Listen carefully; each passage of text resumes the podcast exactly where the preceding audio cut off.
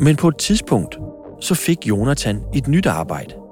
Som dørmand på spillestedet Stengade 30 på Nørrebro. Jeg tror, det begyndte at gå galt, da han var dørvogter derinde i Stengade. Hvad der præcis sker, ved vi ikke. Men Jonathans mor siger, at han blev indblandet i kriminalitet nogenlunde samtidig med, at han fik det nye job på spillestedet. Og vi prøvede virkelig også på at få ham væk fra det.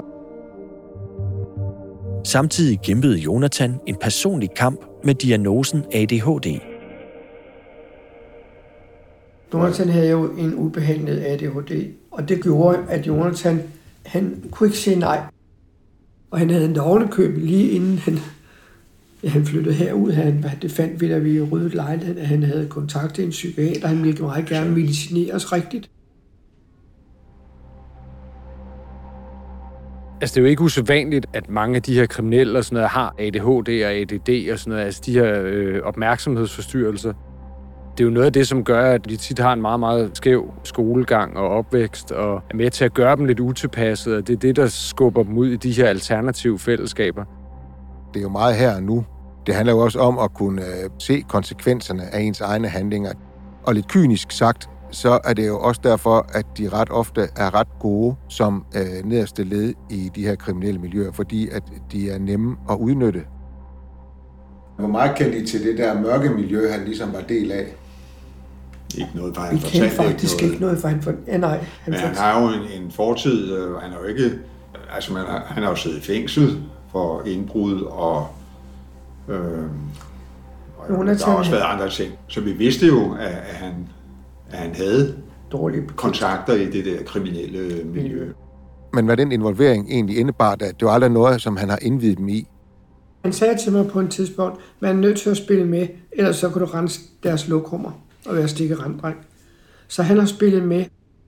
Frygtede I nogensinde, at der skulle ske ham et eller andet, eller han skulle komme galt af sted? Det gjorde vi altså. Det, og alle de sms'er, hvor jeg har, hvor jeg har skrevet med, vi har skrevet sammen, og hvor han også skriver til mig på et tidspunkt, fordi jeg spørger ham, er du rocker?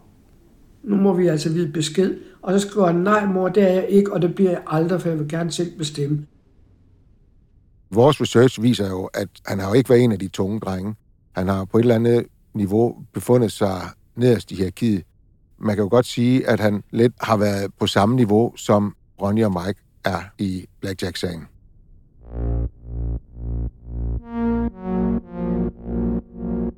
Flere involverede i Operation Blackjack fortæller, at drabet på Jonathan ligger som en grundtone af frygt i deres bevidsthed i den her periode.